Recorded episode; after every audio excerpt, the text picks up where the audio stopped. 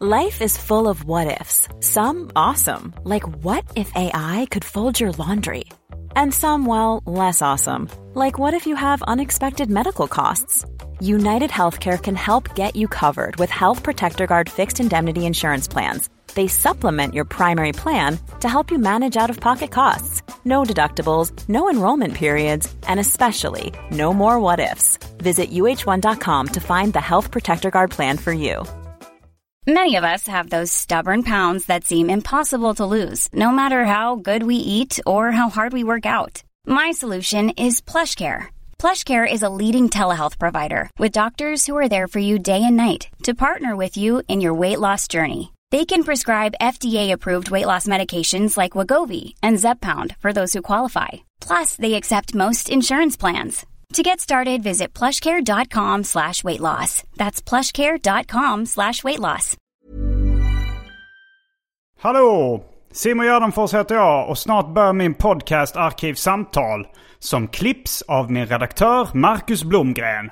Mycket nöje!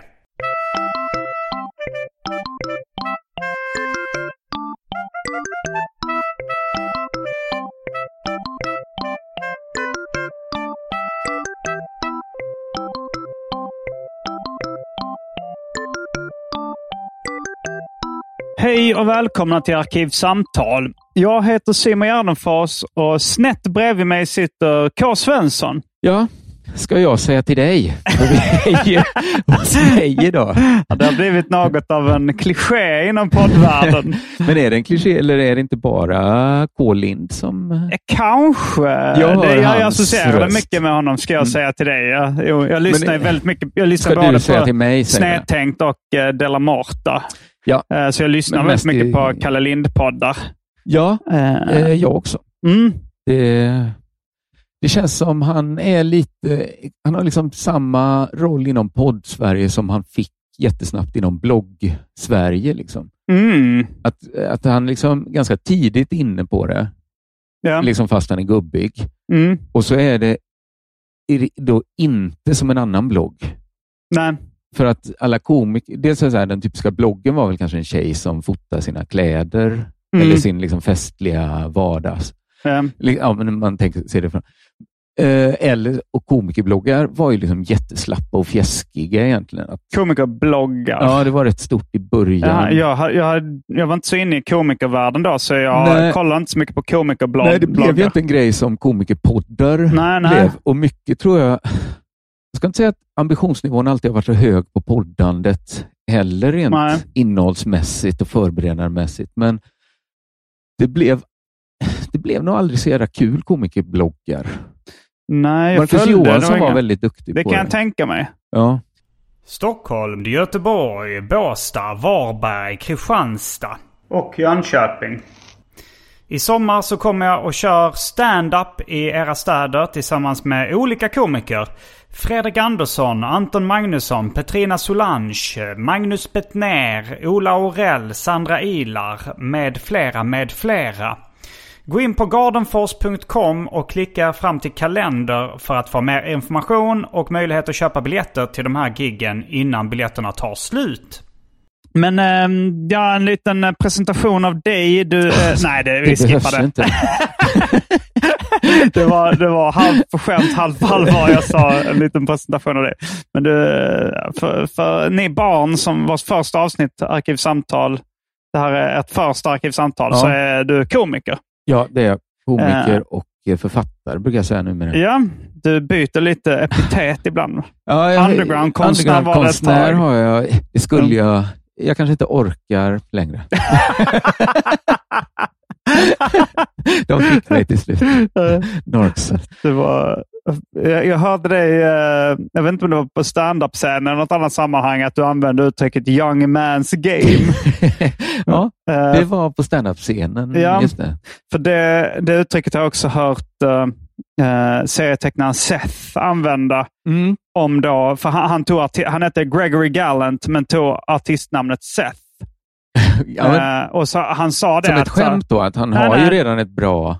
Gregory Gallant, ja det är Det rätt snyggt ju rätt namn. bra. Ja, men, Men han Seth tog bara Seth och så inget, inget annat liksom. Som eh, ganska Cher snyggt. eller... eh, Ja, just sånt, fast det är men- som att ha Per.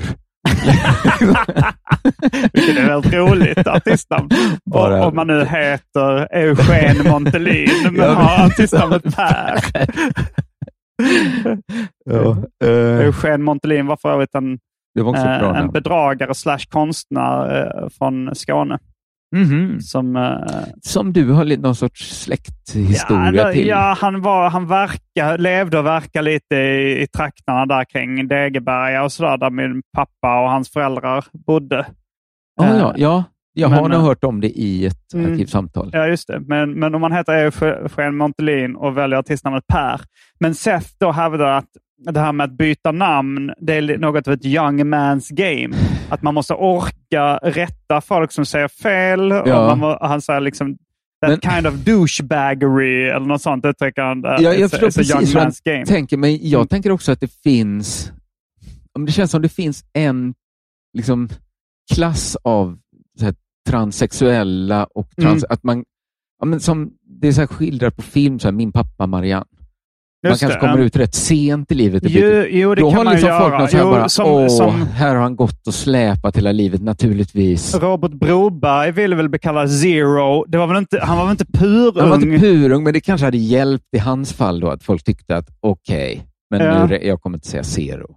Nej, jag kommer men, säga Robban. Men, där, men där, var, där, där tror jag, han gick nog igenom väldigt mycket livskriser och ja. sånt också. Men han kan, kan säkert ha varit i 30-årsåldern. När, jag bara uh, tänker så om Arne Hägerfors liksom säger att jag vill liksom bli kallad. Ja, nu kommer jag inte på något som var så roligt som referensen. Bilden att Arne Hägerfors Vi säger att han vill bli kallad ja, Bongo. bongo. Mm. Liksom alla förstår, det här beror på stroke. men folk skulle inte tycka så här, åh nej, vad fan var det liksom stroppigt av Arne Hägerfors. Men hur gammal var du när du bestämde dig för att uh, kallas K. Svensson? Jag, var, jag skulle säga 30 34.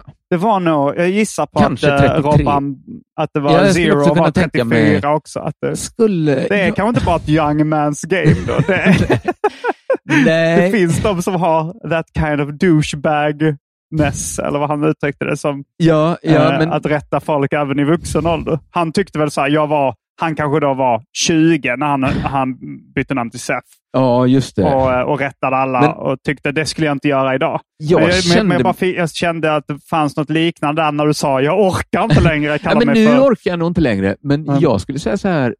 Jag tänkte på det idag faktiskt. Liksom mm. inte alls länge sedan. Så här. Ska jag börja rätta folk när de inte säger Uffe S? ja, men jag skulle inte palla idag, men, men jag tänker liksom, ja, men jag var kanske 30, 33, 34. Ja, då pallar du.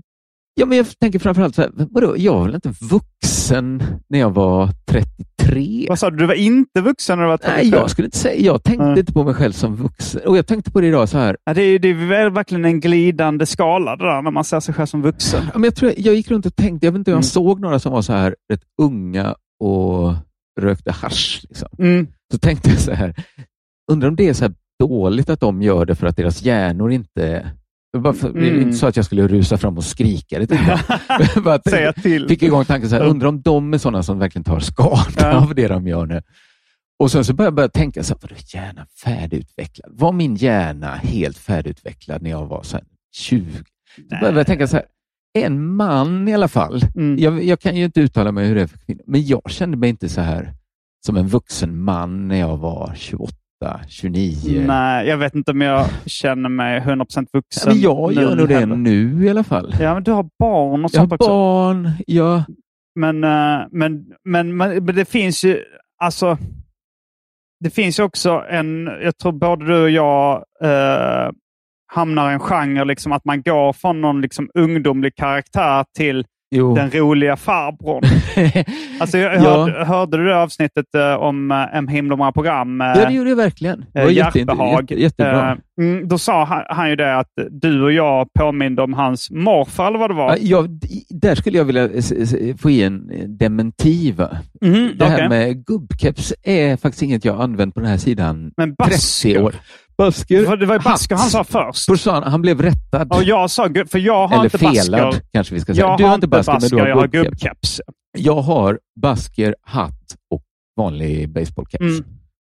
det är, och, och en afrikan, en fes. Jag är, alltid, jag är alltid på jakt efter bra hattar. Ja, huvudbonader är eh, Jag tycker det är kul. kul. Jag vet inte hur mycket det har att göra med att jag är så här tunnhårig att göra. Alltså, det, det, det, det väger in för min del, men jag börjar ändå med keps eh, för att jag tyckte det var coolt redan när jag var typ 13. Ja. Och, eller så 14 och Du skulle haft den då, tror jag. Ja, och, kanske det. Men jag... För det, ja, det är bra. Jag har alltid tyckt det varit coolt, men inte riktigt... Jag har inte tyckt keps varit så coolt, men jag har alltid men... tyckt så hattar och mm. grejer varit coola, men inte av blygsel till en början. Mm. Och sen kanske inte pallat vara liksom så genomskinlig den killen som är det, det, det 22 och kommer i hatt. Uh. Ja, men det är något när man är så runt 20-årsåldern så är det knappt ens excentriskt. Nej, då är det mer poserande. Ja, bara man märker så här, åh nej, nu kommer de med... Jag var, det var så här, jag, jag kom sent till en fest en mm. gång, en förfest, och så mötte jag upp min kompis där och han bara så här himlade med ögonen och sa så här, det kom ett helt gäng i plommonstop. det, det liksom, man, man, får ju den bilden, man, är, man vet så här, ett gäng 22-åriga killar, äh. alla är i plommonstop. Det är ju liksom inte, alla är ju inte engelska lådor. men de kan vara trevliga killar ändå. Äh. Nej, men så, jag tror, alltså, varje gång jag, liksom, jag hör, jag hörde till exempel, vad heter han, David Risch, Richter? Det vet jag inte vem det är. Han är liksom svensk countrysångare. Mm. Jag skäms lite för att jag inte vet vad han heter, för jag, jag har lyssnat rätt mycket på hans...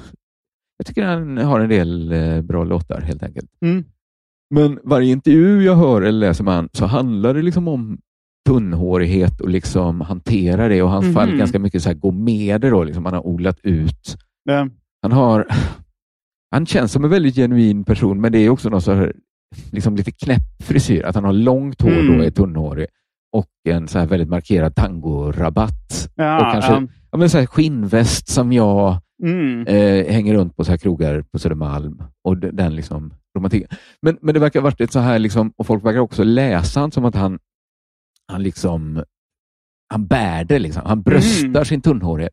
Men då tycker jag inte de borde ta upp det i varje intervju. Det, men det kommer nog kanske sluta nu då. Mm. Men eh, det kanske varit så intervjuer nära varandra. Okay, um. men det, det var bara, jag har bara noterat att det är mycket om hans mm.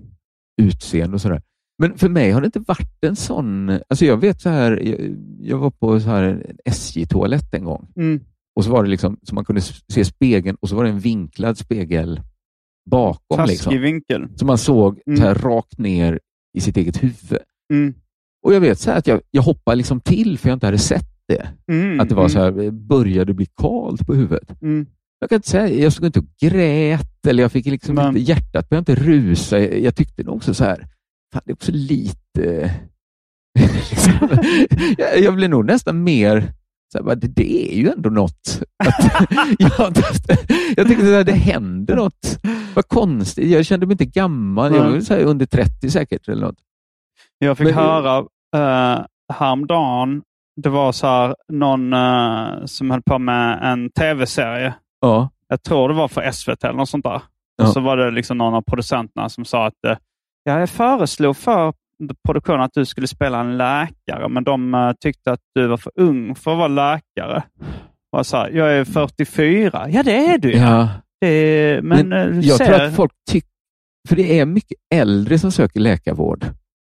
Ja. Eftersom, alltså, om Men 44, man, ja, man kan ju bara ta en läkarutbildning 5-6 år. Ja, ja, visst. Alltså, man, kan, man är man ju kan inte ju ung. vara 27. Men jag tror många gamla tänker att ja. deras läkare ser väldigt unga ut. Mm. Och så, så, så får att oh, han är 44, ja. det är så man ser ut. Ja. För de tänker en läkare, tänker man ju nästan, den är äldre än mig. De tänker det ska komma en 90-årig läkare ja, nu. Som han är uh, Picassos äventyr. jag har inte den så top of mind. Ah, okay. Jag måste se om den. Du, nu, eh, som en gudsförsyn så eh, knäppte kaffebryggan Okej, okay. då har det blivit kanske... dags för det omåttligt populära inslaget Välj drycken.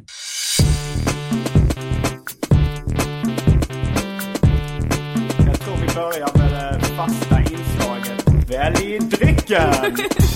ja, vill du höra lite vad vi har i dryckesväg? Ja, här kommer alternativen. Då finns det då kaffe som är färdigbryggt. Mm. Svart eller med havremjölk i. Mm. Eller så kan man kombinera med en eh, sponsdryck jag har, eller som Aron Flam har. Okay. Det är någon sorts, jag vet inte vad den heter, men det är någon sorts chokladmjölk. Okay. Pucko, jag har druckit den med sån här Fireball. Mm. Då tyckte det var ganska, inte särskilt gott. Men det kan ha varit Fireball som jag inte tycker är så gott. Helt enkelt. Sen finns det vatten i kranen, men det är för tråkmånsar och nej-sägare. Just det. Och det finns också saft som vi kan spä ut. Mm. Både körsbär och blåbär. Men jag tar nog svart kaffe, tack. Ja, då är vi snart tillbaka. Med dryckerna, kända från det omåttligt populära inslaget Välj drycken. Häng med!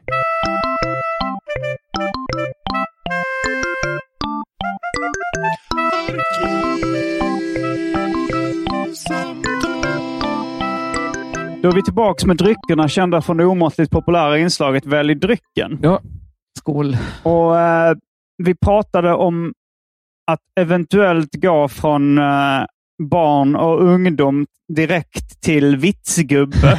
eller skämtgubbe. Ja, ja. Vi var på eller den bisarra gubben som... Ja, men jag måste säga så här att det passar mig lite bättre känner jag rent. Eh, ja, jag, jag vet inte om jag var till min fördel som ung. Det var inte, alltså jag hade väldigt roligt när jag var ung. Mm. Men jag tror inte jag kom till min rätt som bäst när jag var så mellan 20 och 30 eller 15 och 30. Nej. Det passar, jag vet inte, det är kanske naturligt man har övat på någonting liksom massa år också, men, men det är någonting, jag tycker det är till en hjälp i allt man gör. Vad? Att vara, att vara liksom en gubbe, eller liksom, inte gubbe, men att inte vara liksom en ung spillevink. Ja, det är väl eh, det är kanske en fördel om man är rappare. Ja, att vara kan... en ung spelevink.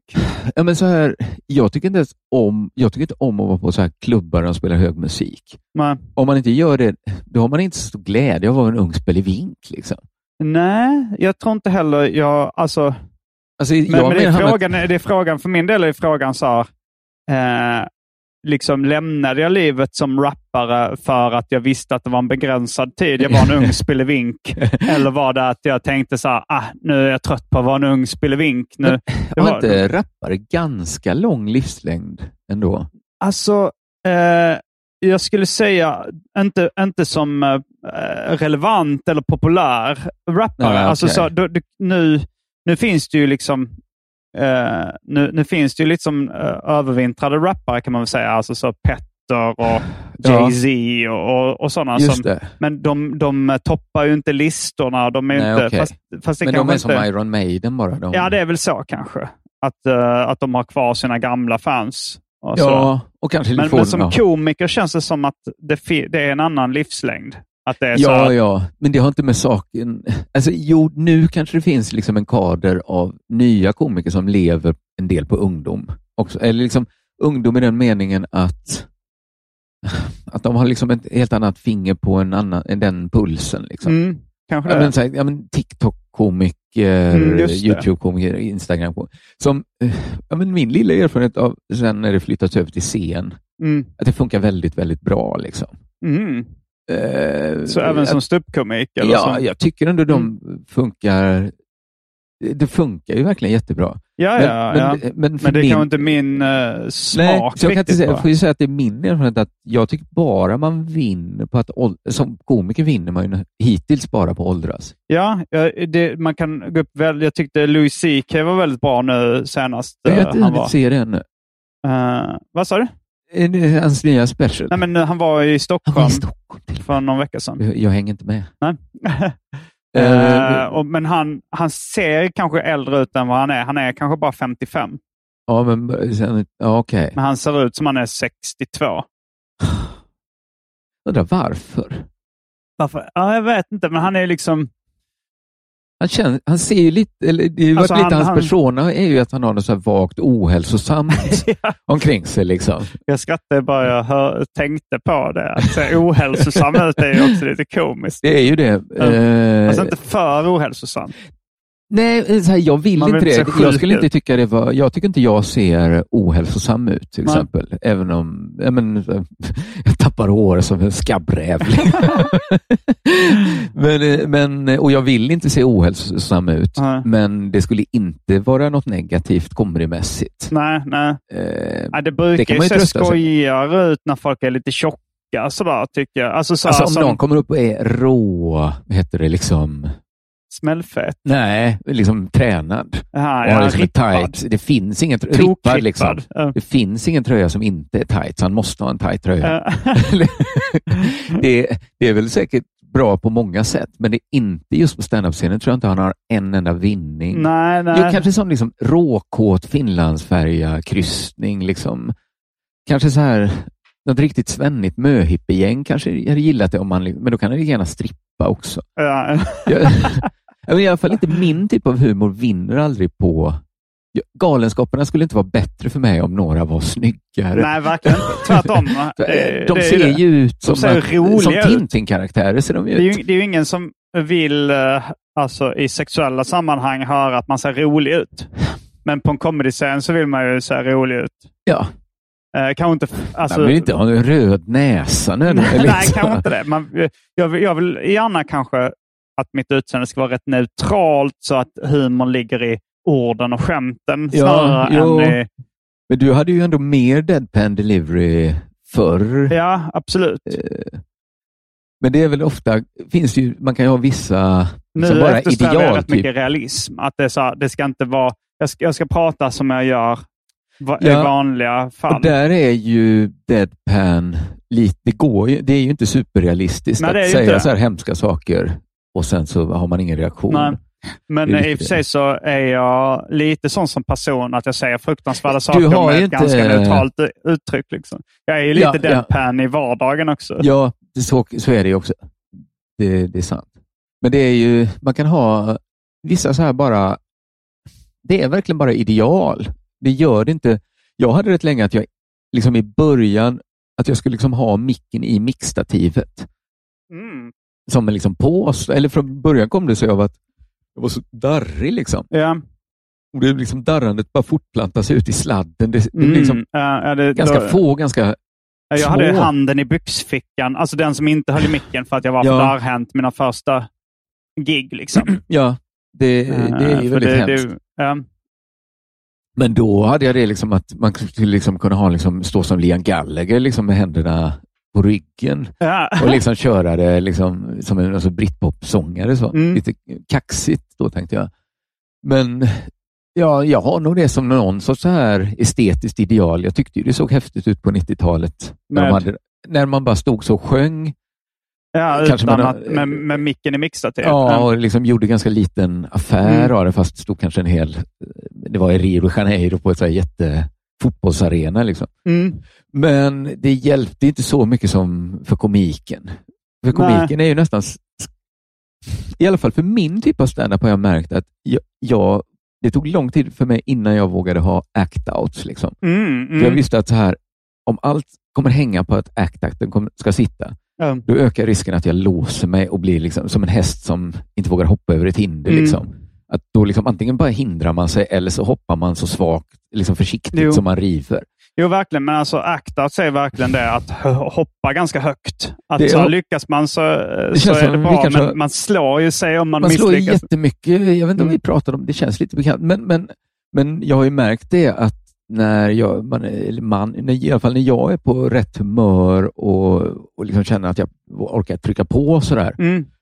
så då är det nästan sky the limit hur mycket man kan kötta på hur mycket man kan uh, kötta på med act ja. och få med sig publiken. Eller? Och Det är ganska långt ifrån ett gammalt ideal att bara stå med händerna på ryggen. Ja. Att man blir liksom blir lite vad det blir också. Man, det är ju det som är roligt med standup. Att man ser vad som funkar mm. och så gör man så. Ja, och sen, men sen är det också det här dilemmat med vad, hur mycket ska jag anpassa mig till vad som funkar hos publiken? Ja, jag och, drar ju gränsen inte. hårt vid material. Liksom. Mm, alltså, ja. så här, jag, jag, jag apar mig gärna på det sättet som funkar. Mm. Och jag är beredd att kompromissa med materialet, men det är inte det allra viktigaste. Jag tycker men. ändå så här, material, det ska vara det, det, måste ändå vara det jag tycker är skojigt. Ja, liksom. jag, jag, är, jag är med på det. Alltså, så här, jag kör material som jag tycker är roligt och som publiken tycker är roligt. Men jag tar ja. bort material som jag tycker är roligt men som publiken inte tycker är roligt. Ja, ja. Alltså, man kan inte vara hur stolt som helst. Liksom. Det är för jobbigt. Och... Nej, men, det, det är där act-outsen kommer in, att då får man ju, är det något som publiken inte riktigt, man tycker det är så jävla roligt själv, uh. då ställer det ju väldigt höga krav på act-outs och delivery och sådär. Man kanske känner uh. så, men jag kanske inte kommer palla stampa på, slå på den stora trumman Nej. varje kväll efter kväll efter och någon kväll det kommer inte så många och så hänger allt på att man liksom orkar. Då är det ganska skönt att ha material som mm, man falla kan tillbaka falla tillbaks på. Innan vi satte igång och podda så sa du att du hade så här, ja, eh, du hade grejer att säga. Sa jag? Nej, inte, Nej, men det var väl bara så här att jag precis höll på. Vi pratade om att jag då inte skulle hinna göra något bonusavsnitt. Ja. Och jag skäms alltid för det. Ja, för det behöver du inte göra. Ja, men, du kommer ändå hit. Det tycker jag är, det är i och för sig din podd och sådär, men, men jag skulle gärna vilja bjussa på det och det känns, som, det känns hela konstigt att jag inte skulle ha en timme över. Ja, det räcker med 20 minuter. Ja, men idag har jag inte ens 20 minuter. Ah, okay. Men då får du eh. önska dig någonting som jag ska prata om i det, uh, mm. i det Patreon-exklusiva avsnittet. Någonting kanske du det, vill höra lite mer Det kanske kommer upp någonting ja, uh, under samma... Jag kan ja, ha lite det, det där vill jag höra mer om. Det där skulle jag vilja höra, ja. fast jag vill inte höra det nu. Nej. Jag vill betala minst tre dollar i månaden och höra ja. dig säga det. Valfri summa. Men, uh, men hade du någonting du sa? För du sa sådär, det är inte lönt att ta det här utanför podden då? Men jag blir så nervös när du säger så här att men det här är en liten podd om ditten och datten, en snackepodd. Då tänker jag så här, jag kan inte säga någonting nu. För jag, jag kommer liksom... Så var det i början på uh, när jag började med Arkivsamtal och, och var inte så erfaren poddare. Nej. Då, då tror jag det var Maja Asperger Lind som var liksom en av de tidiga gästerna. Som, och det var så att hon började alltid prata om jättemycket kul grejer ja, ja. direkt innan mickarna slogs på. Liksom, när hon tog av sig skorna och så. Ja, ja, så, så, så, så, sa jag så här, okej, okay, spara allt. Ja, ja, och då, då blev det mer så väldigt konstig stämning, att man skulle vara helt tyst. När man ja, men det blev ju konstigt nu när jag skulle ta upp något uh, som vad var det du tänkte var... På? Jag ska komma till det. Nej, men jag ska bara berätta att jag har faktiskt en policy kring just det nu, för jag har mm. tröttnat på det. Så vi har en never not recording policy i alla poddar. Okay. Eh, alltså så här att när jag och Jossan ringer upp varandra, då har vi redan tryckt rec på ah, båda. Ja, ja. Och mm. jag, vi försöker ha det så i Della också. Mm. För att det är lite, alltså ibland sägs det, jag ska inte säga att det är så jävla, men det är så här, jag hade varit jätteglad om det hade kommit upp i podden och då känns det alltid det lite sura, så här, fan brände vi det? Det var faktiskt riktigt jävla roligt. Så himla dumt när vi ändå bara kunde ha tryckt. Ja. Och det känns alltid så, vänta vi trycker på räck och så tar vi det en gång till. Mm. Då känner man sig alltid som en äcklig hora. Mm, ja, verkligen. på något sätt. Men nu har, du, nu har du chockhöjt förväntningarna på det här. Uh, du hade... nu måste jag nästan nu, hade det varit, nu skulle jag då igen, jag skulle ju kunna sälja in det som en saftig grej då, men det känns eh, som att jag vill inte det. Nej, men det är att jag, jag, ska ha en ganska, jag ska ha en tidig middag idag. Du ska ha en tidig middag? Min fru har redan satt på potatisen. Det var bara det okay. jag skulle säga. Okej, okay, uh, eh, vi, ja, vi kan... en, i efterhand lägga in gängen Europas sämsta cliffhanger. Ja, men jag kan toppa upp historien med att, uh, att jag ska ha måltidsgäster också. Okej. Okay. Jag ska ha... Och vilka är det? Jag ska ha Nyllet. Eh, Kristoffer Nyqvist. Slaktis. Komiker. Eh, och slaktmästare mm. på de flesta klubbar i den här staden. Ja, han brukar slakta. Så det får man säga. Mm. Eh, men även eh, Mustiga Mauri. Okej, okay. tv-kändisen. TV-kändisen. Jag ska säga så här. Jag träffade honom när, jag tror det var du som körde stand-up. Alltså ja, jag var förbi det var då vi eh, bonden. Ja.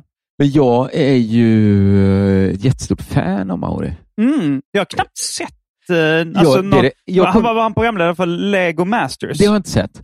Men, eh... Det har jag nog sett några avsnitt av. Jo, fick kolla på det lite otippat. Okej, okay, det var lite otippat. Ja. Men vi, vi, var på någon resa där han satte igång Lego Men tittade han och liksom så här, det är blivit så jävla dåligt. Det är inte alls som australiensiska Lego Wars. Nej, jag inte, tror, jag utan det var bara så här, han, jävlar vilka, alltså, vi, vilken vi, polisbil de fick ihop. Men vi åkte till Gran Canaria och så insåg vi att uh, det där rummet, den här lägenheten för två, det var liksom för ett par. Ah, det var, ja, det var så här, så ni skulle sova i en dubbelsäng? Ja, vi gjorde det också. Ja, men då men, blev det också att vi låg och kollade på streaminggrejer. Alltså ja. så fick med kolla på samma men, grejer. Och då kollade han på Lego Masters. Det var alltså, lite här, otippat. Ja, det var lite otippat. Ja. Och, och det är nog... Uh, jo, men han kan ha nämnt någonting om att det, det utländska förlagen var bättre. det är inte helt omöjligt. No, you're Yuffie. när du säger det. Nej, men jag vet inte riktigt. Alltså, jag är ingen så här YouTube. Jag tittar på De La Casa. Då. Ja. Det... Jag vet inte om Lego Masters är YouTube ens. Nej, det är nog, går nog på vanliga mm. tv. Ja. Men jag kollar inte så mycket på tv heller. Jag kollar på My Name is uh, Better Call Saul. Ja. Och sen på YouTube kollar jag på De La Casa. Mm. Eh, jag kollar på mina egna avsnitt av Bäst som jag och Strandberg ja. gör. Kollar du på dem? Alltså, ja, de brukar jag ändå om... kolla på sen mm. någon gång. Ja, men ett par gånger brukar jag kolla. Mm. Jag, ty jag, tycker att jag är nöjd med Bäst. Mm. Så här långt. Eh, och så kollar jag på, vad fan heter den? Uppdrag Mat då med Mustiga Mauri. Och det är en YouTube så här. Det är en YouTube-serie där han, ja men det kanske är så här, vad, vem har Sveriges godaste glass? Mm. Och det var det han slog igenom? Ja, det får man nog säga. Okay. Och så är det så här, Eh, kan vi träffa Sveriges gladaste korvgubbe? Mm. Och så får de så här, vi har fått 4000 förslag. Men varför kallar han sig, eller han som kallar sig Mustiga Mauri? Ja, visst. En, en mustig? Han är Han verkade väldigt trevlig. Jag pratade med honom lite kort på Bonden bar ja, där du uppträdde. Men... Jag tycker det är roligt med honom för att hans grej är att han är jättetrevlig. Mm, mm. Alltså det är det som gör att han alltid funkar så här. Att han ska åka kanske här till Örebro och träffa en han som gör Sveriges billigaste sketpizza. Mm. Och så kommer han dit och så är han så himla, himla trevlig. Mm. Liksom så här... Ja, det är ju det är en talang. Ja, men lite så här som, som Filip och Fredrik kom ju in på något sätt genom Jag hade gärna vara... velat bli trevligare. Ja, men de kanske började så här, ja, ja det, man har aldrig nått... Men om Filip och Fredrik liksom slog igenom på att vara så här, inte trevliga, men bara lite så här socialt gränslösa. Ja. Bara så här, är det inte Tage Erlander som går? Vi, vi kollar så här, hej, mm. och så film, film, kameran rätt upp i nyllet och bara mm. får man känna det på kuken. Ja, men de, de så, har ju också den här drygheten. Liksom. Exakt, Eller de, hade, de vill liksom vara kan... roliga så, mm. liksom, genom att liksom vara lite gränslösa. Mm. Så, precis. Men han har liksom, gör samma grej fast med ren och det känns väldigt genuin, mm. trevlighet. Ja. Vilket gör honom till, men jag, ja, det är liksom inte igen, det är väl inte gjort för mig egentligen, men, men jag tycker bara att han är en så himla sällsynt bra tv. Hej, jag Ryan Reynolds. At Mint Mobile, we like to do the opposite of what Big Wireless does. They charge you a lot, we charge you a little. So naturally, when they announced they'd be raising their prices due to inflation, we decided to deflate our prices due to not hating you. That's right. We're cutting the price of Mint Unlimited from $30 a month to just $15 a month. Give it a try at mintmobile.com slash switch. $45 upfront for three months plus taxes and fees. Promo for new customers for limited time. Unlimited more than 40 gigabytes per month. Slows. Full terms at mintmobile.com. Planning for your next trip? Elevate your travel style with Quince. Quince has all the jet setting essentials you'll want for your next getaway. Like European linen, premium luggage options, buttery soft Italian leather bags, and so much more. And is all priced at 50 to 80% less than similar brands. Plus, Quince only works with factories that use safe and ethical manufacturing practices. Pack your bags with high-quality essentials you'll be wearing for vacations to come with Quince. Go to quince.com/pack for free shipping and 365-day returns. A lot can happen in 3 years. Like a chatbot may be your new best friend. But what won't change? Needing health insurance. United Healthcare tri-term medical plans underwritten by Golden Rule Insurance Company offer flexible, budget-friendly coverage that lasts nearly 3 years in some states. Learn more at uh1.com. Alltså jag har aldrig sett en sån tv-begåvning för. Jag sitter alltid Nej. lite och, som att, det är som att se någon så här travhäst liksom gå runt ja, nej, och liksom jag tänker inte På, jag tänker nog inte på, liksom, alltså för vissa, när man hörde så här, jag hörde någon säga så här, liksom, Per Lernström, vilket jävla proffs. Jag fattar inte var, eh, varför uh, just jag, den skäggiga killen på TV4. Nej, nej, inte... men, men det är nog att man kan nog inte se, alltså om man inte är så intresserad av uh, proffsighet inom tv, då ser man nog inte liksom talangen Nej. på samma sätt. Det är väl kanske så här, äh, men, om, om du ser en, en väldigt sexig bög, ja. då kanske inte du, då kanske med andra bögar som kan säga okej, okay, han har den här kroppen, den här frisyren, ja. de här attiraljerna, den här, uh, det här kroppsspråket. Liksom. Men, men, uh, men om man inte tittar efter det, om inte, så här, Nej, det, det. då kanske man inte lägger med, då vet då man inte man inte se att det där är bara en så här fake-lantisbög. Nej. lite enkelt. Nej, men samma riktigt. sak är det nog med tv-personligheter, tror jag lite. Att det är så här, ja, jag, jag ser bara att det här är en vanlig programledare. Sen kan inte jag säga gud vad Nej, han är proffsig. Det är nog att jag har jobbat mycket med tv. är det mm. jag har jobbat ja, men kanske undantaget poddar egentligen. Mm. Stand-up mest här i tid, men det är ändå, det är inte, alltså tv har ju ändå så gått till jobbet varje dag eller Mm. haft långa perioder när jag alltid skrivit för tv och sådär. Jag har varit så jävla mycket på tv och tänkt, jag har ju varit programledare själv. Mm, det har du Jag- jag barnprogram och, Ja, jag och gjorde- kanske även något annat. Jag vet inte. Ja, men så här, det här är första året jag låter mina barn titta på sommarlov. Ja, För jag har inte riktigt varit liksom beredd att de ska titta på så jävla mycket tv. men, Men nu, jag vet inte riktigt. Man slits kanske. Jag vet inte hur mycket det är att jag bara vill ha en anledning att låta dem titta lite på tv på morgonen så jag kan läsa en bok. mm, Och hur mycket, men lite är det också genuint att jag är lite nyfiken på att se bara vad jag själv var med och gjorde.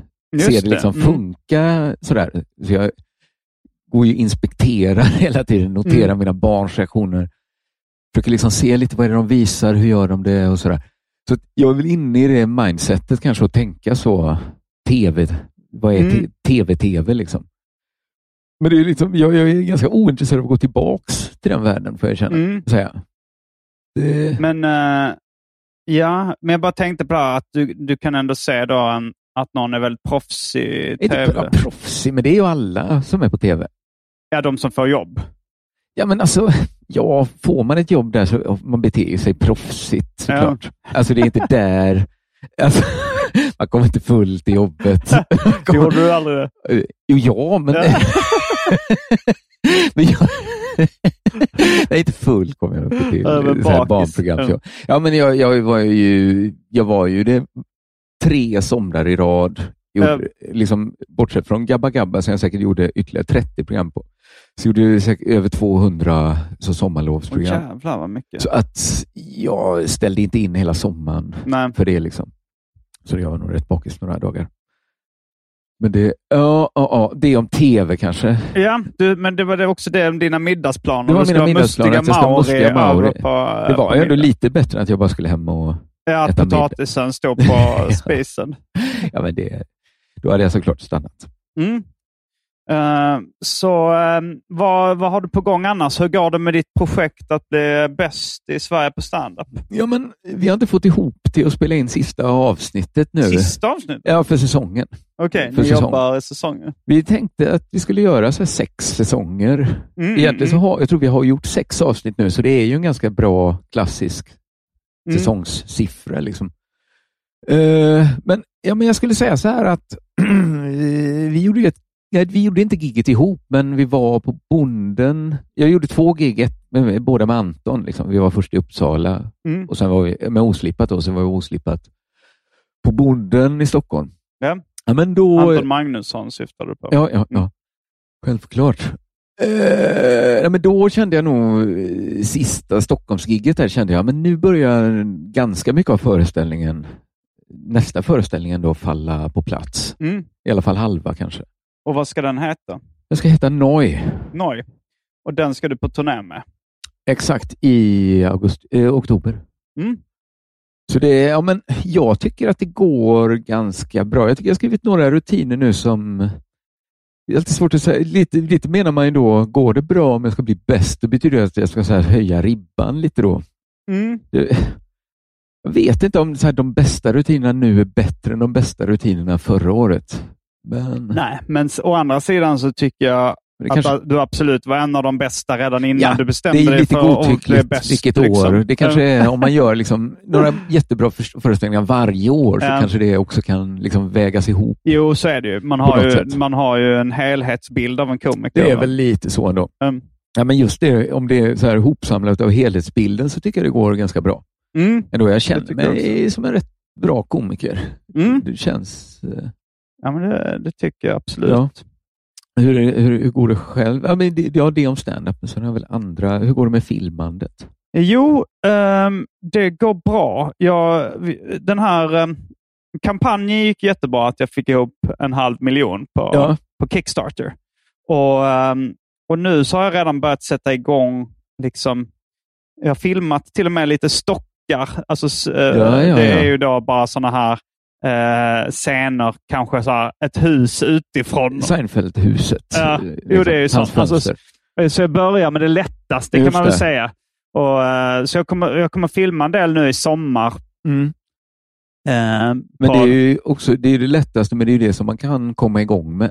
Ja, det är det ju. Och, Eh, och sen, sen ska, så jag ska börja med dem. Och sen är det att de är ofta utomhus.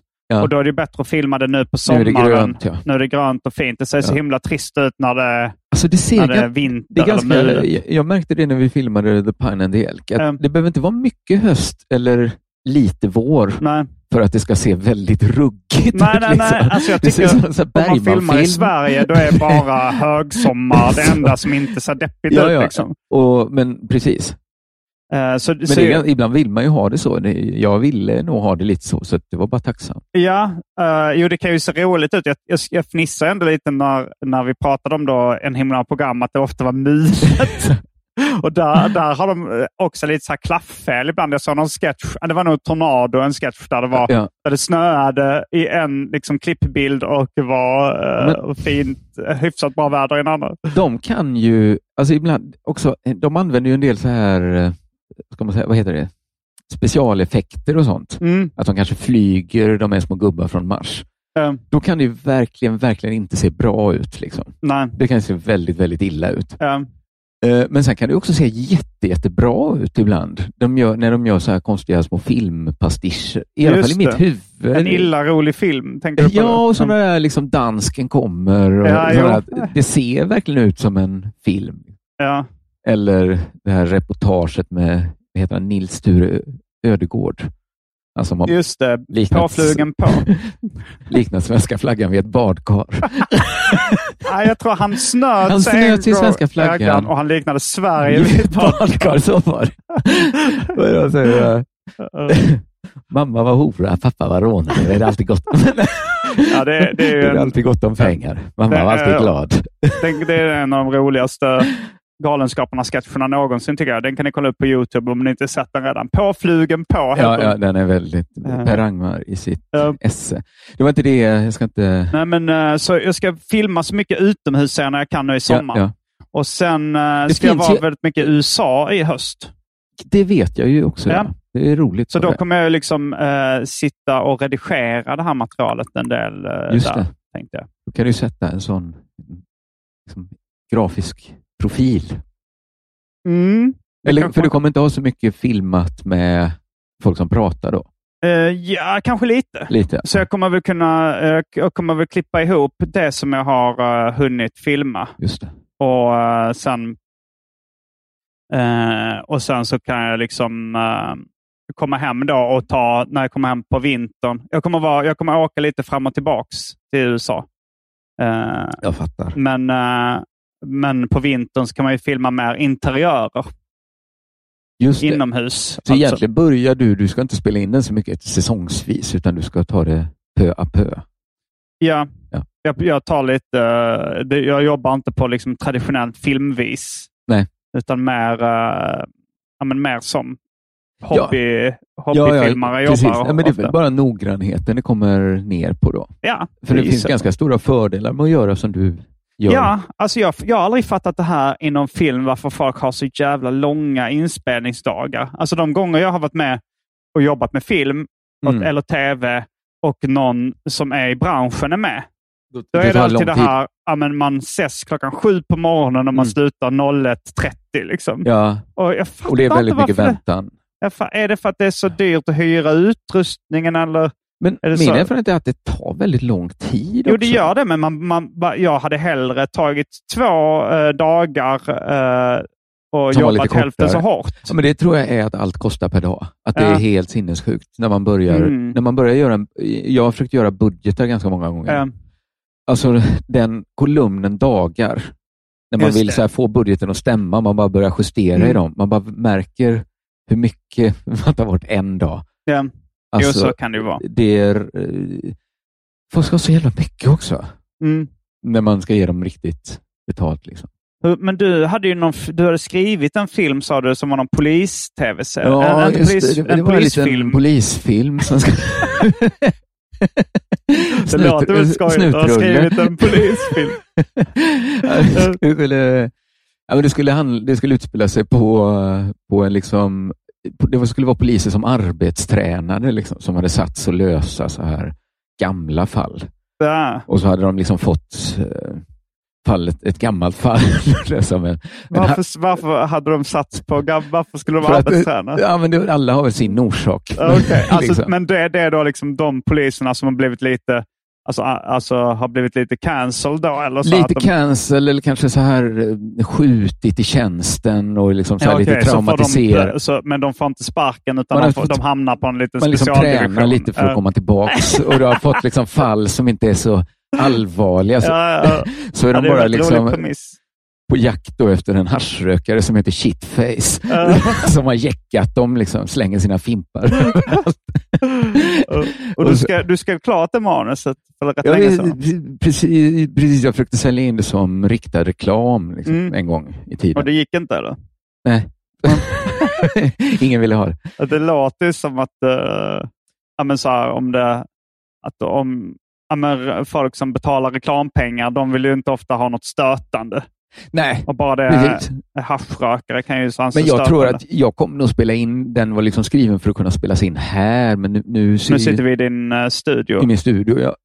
Så jag, jag, kanske bara byter från poliser och skriver om lite så att den passar här. Varför? varför alltså... Jag tycker inte det ser ut som en... Innan när vi flyttade in här så såg det mer ut som... Då, då var det bara en liksom vitmålade väggar. Mm. Då skulle det kunnat sett ut som något så här dagcenter för poliser.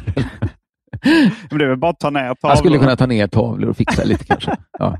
Orkar det. Ja, men jag kommer nog... Skriva om det, men ja, det blir svårt om man skriva om allt ifall de ändå ska jaga något fall. ja, så. men jag tycker, tycker det kan vara lite skönt. Jag tycker det är så jobbigt att filma.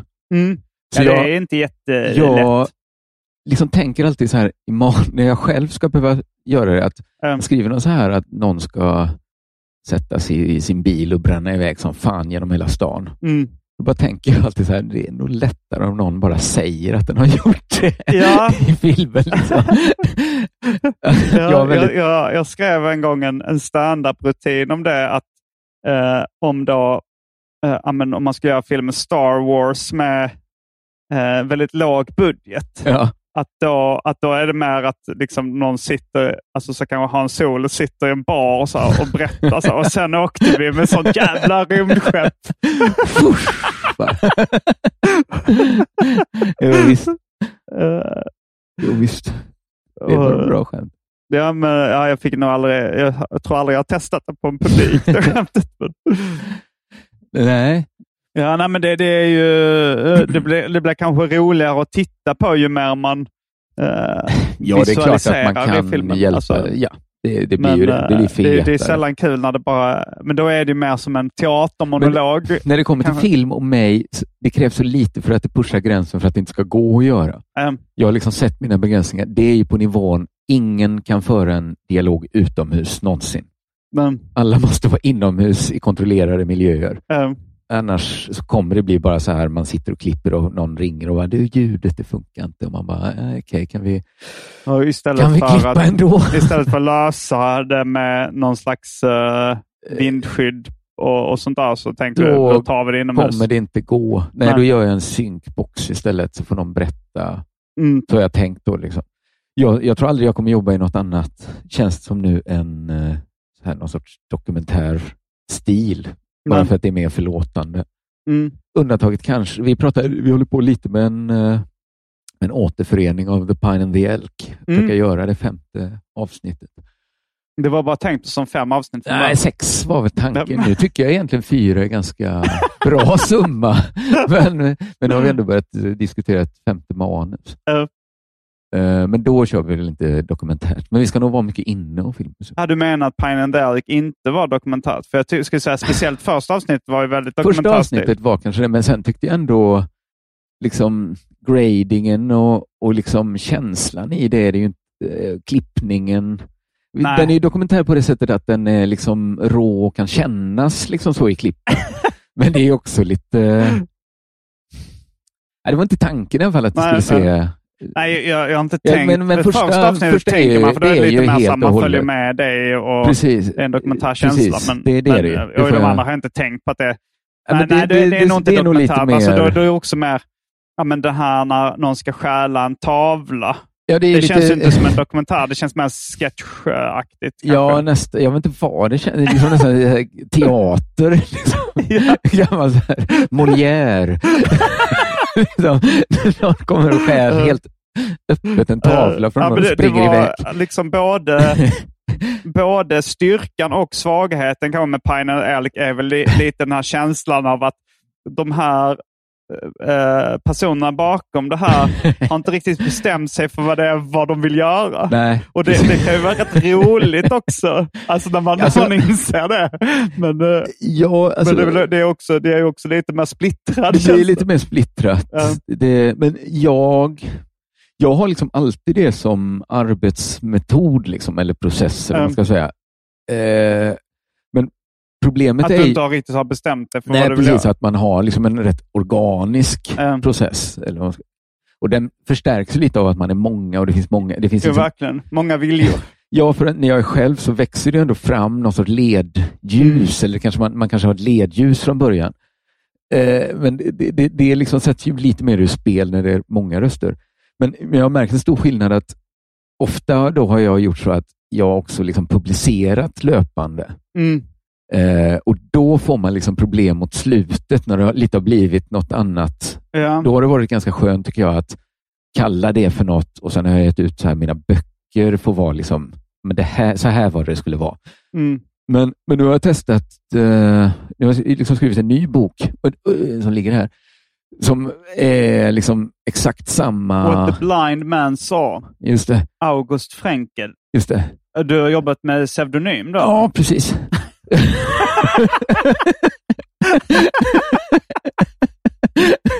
det här, vad är det här för bok? det är en mysteriebok.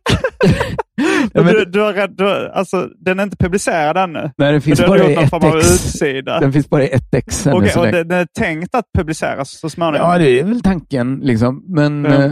Eh, men min, jag liksom använde min vanliga metod den här gången. Ja. Började bara i en ände och liksom tänkte att jag ska ungefär ditåt. Okej, okay, och det det, men den är skriven på svenska? Ja, den är skriven på svenska. Och, den är, och det är ett mysterium? Ja, precis. Okej. Okay. Och det här har du gjort utanför din, din, liksom, den bokserien som du håller på med? Olika... Ja, precis. För den är redan klar egentligen. Så detta... Okay, för du, för du, du gjorde då Uh, alltså de publicerades ju som poddar i början, din uh, bok ditt bokprojekt. Just. Som var då Sinfonia. Är det namnet på? Sinfonia är de tre första de banden. Träffas, liksom. träff, och då är det eh, litteratur. Det är prosa. Det är prosa, skönlitteratur. Och sen den andra så skulle du göra poesi då? Eller? Exakt, Vers. det är Fantasia 1 till 3. Fantasia. Och då är det tre böcker. Precis, och de två första är på bunden vers och den sista är på fri vers. Okay. Men den sista är fortfarande kvar i Litauen för att det är den här papperskrisen slår över. Eller ah, kriget. Men du ska inte göra, men du ska inte göra uh, tre bokserier. Det, det men, var väl planen från början att du, ska lite, tre, tre, tre. Liksom. Ja, nu har jag lite tänkt om. Då. jag har där. Så att nu utgör Sinfonia och Fantasia tillsammans utgör första bandet. Okej, okay, så det är, sex, är första, så de, sex böcker utgör ett band? Ja, precis. Eller en liksom del. Okay, och ja. den heter Den perversa komedin nu. Okay. Så, så, nu är vi där. Men nu, den här då är del av min nya då, trilogi. Okay. Det ska bli sammanlagt, först ska det vara nio mysterieromaner och så ska det vara tre science fiction-romaner också. Okej. Som är min långa plan som jag håller på med nu. Och de, de här släpper du inte som podd, eller ska du jag göra det? Jag har inte gjort det ännu då. Men... Framförallt så gjorde jag så den här gången att jag gjorde som vanligt, fast jag gjorde klart det först. Gick tillbaks, mm. fixade till allt.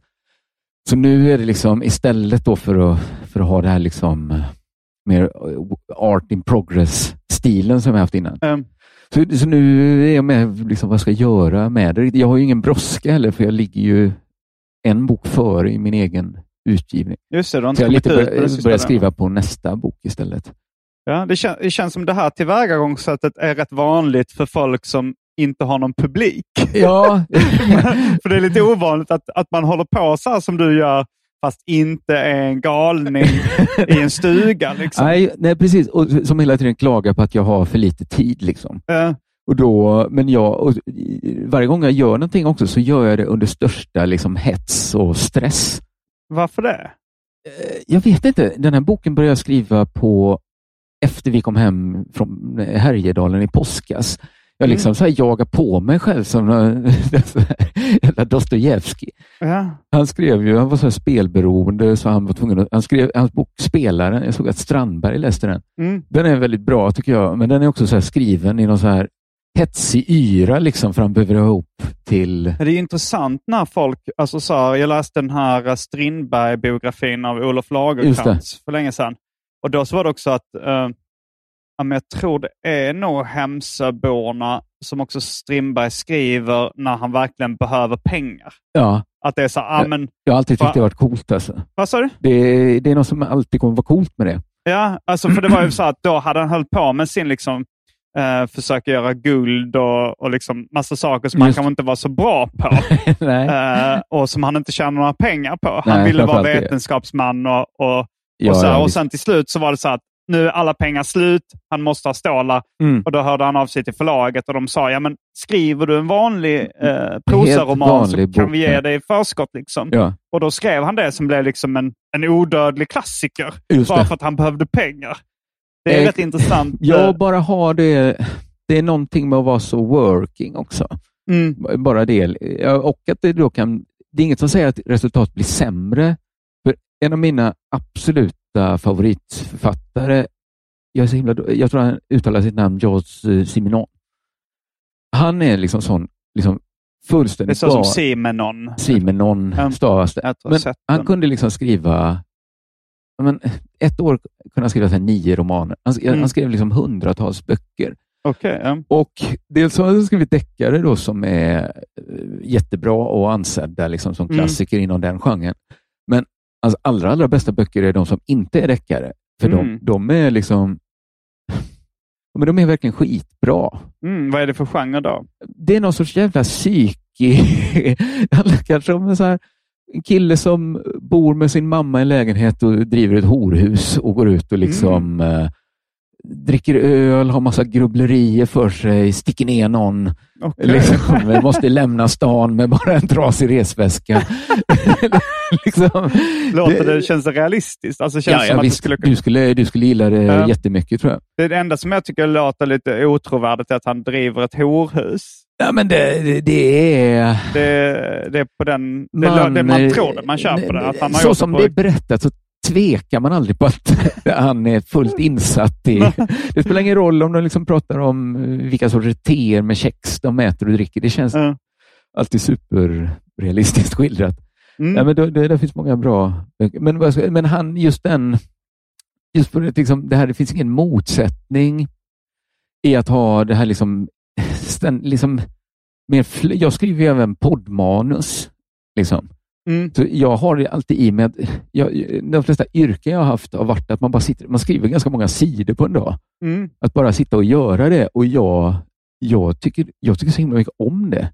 Mm. Att jag måste nästan skriva så fem sidor om dagen för att fungera. Liksom. Mm. För att annars, jag vet inte, det känns Jag skriver också varje dag, men det är ofta kanske en femtedel sida. Alltså jag Ja, skriver ett skämt. skriver ett som- skämt, ja. Och det är ofta, alltså det, det, ibland så är kanske det, det längsta skämtet kanske är en halv sida. Alltså Ja. man säger A4 med normalt eh, teckensnitt och så. Men eh, ofta är det kanske att det får plats fem skämt på en sida. Ja, men jag, jag skriver liksom pladdrigare poddmanus och sådär. Och, Mm. och olika. Sen skriver jag alltid dagbok också, men Ja. det, det är mest tänkt för mig själv. Så det är liksom inte skrivet på något tilltalande Nej. sätt.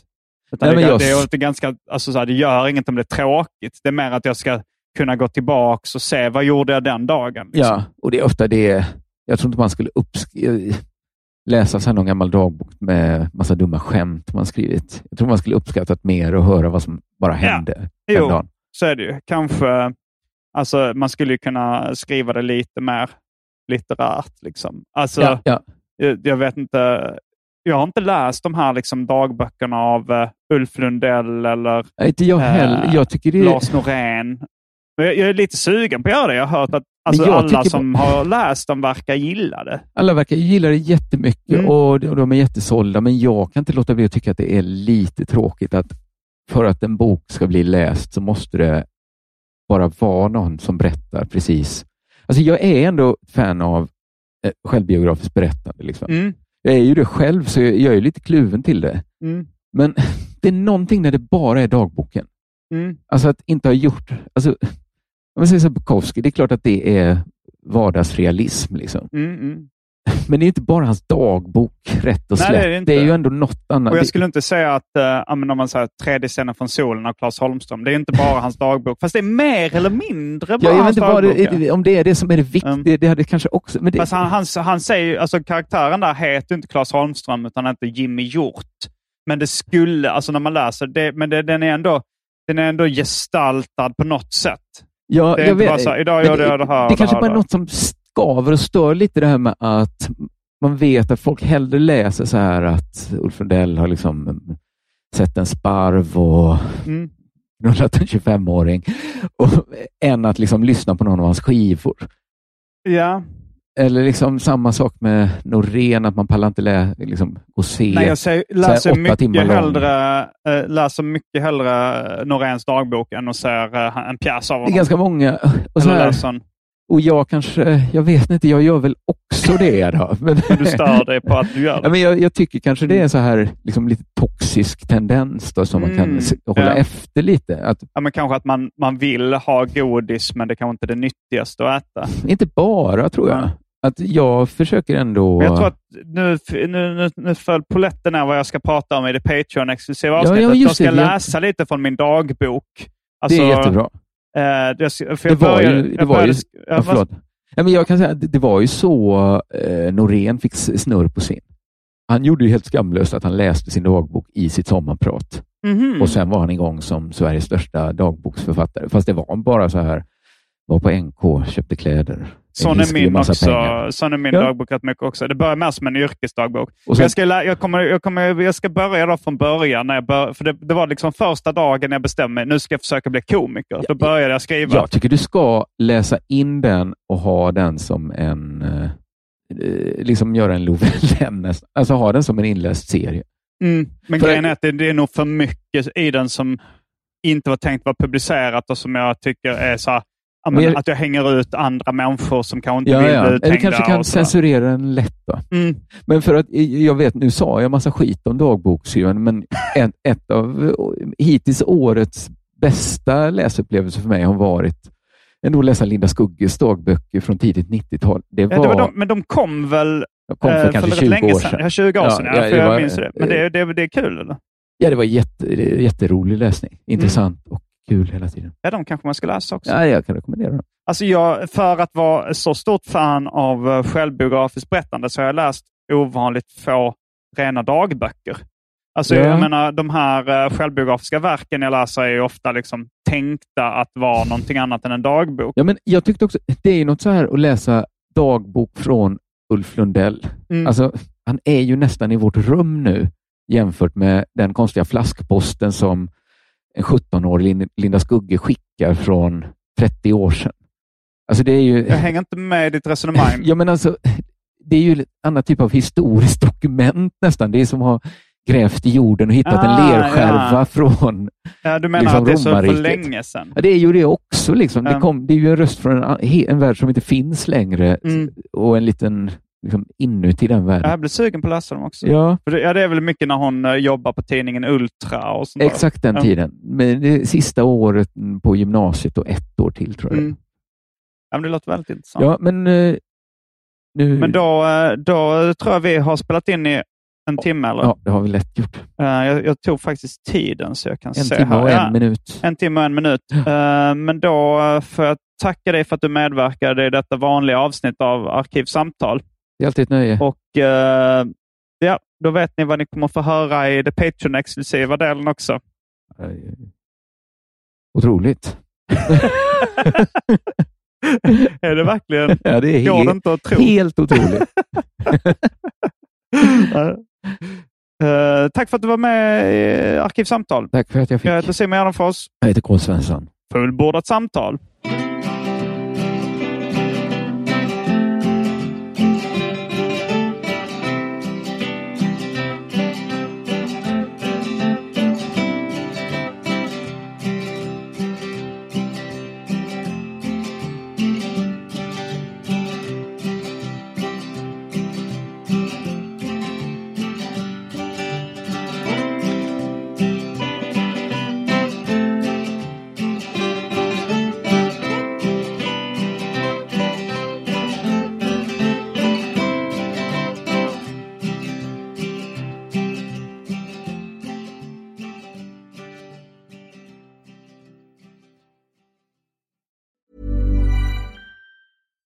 Deserves the best, and there's no better place to shop for Mother's Day than Whole Foods Market. They're your destination for unbeatable savings, from premium gifts to show-stopping flowers and irresistible desserts. Start by saving 33% with Prime on all body care and candles. Then get a 15-stem bunch of tulips for just $9.99 each with Prime. Round out Mom's menu with festive rosé, irresistible berry chantilly cake, and more special treats. Come celebrate Mother's Day at Whole Foods Market. Even when we're on a budget, we still deserve nice things. Quince is a place to scoop up stunning high-end goods for 50 to 80% less than similar brands. They have buttery soft cashmere sweaters starting at $50, luxurious Italian leather bags, and so much more. Plus, Quince only works with factories that use safe, ethical, and responsible manufacturing. Get the high-end goods you'll love without the high price tag with Quince. Go to quince.com/style for free shipping and 365-day returns.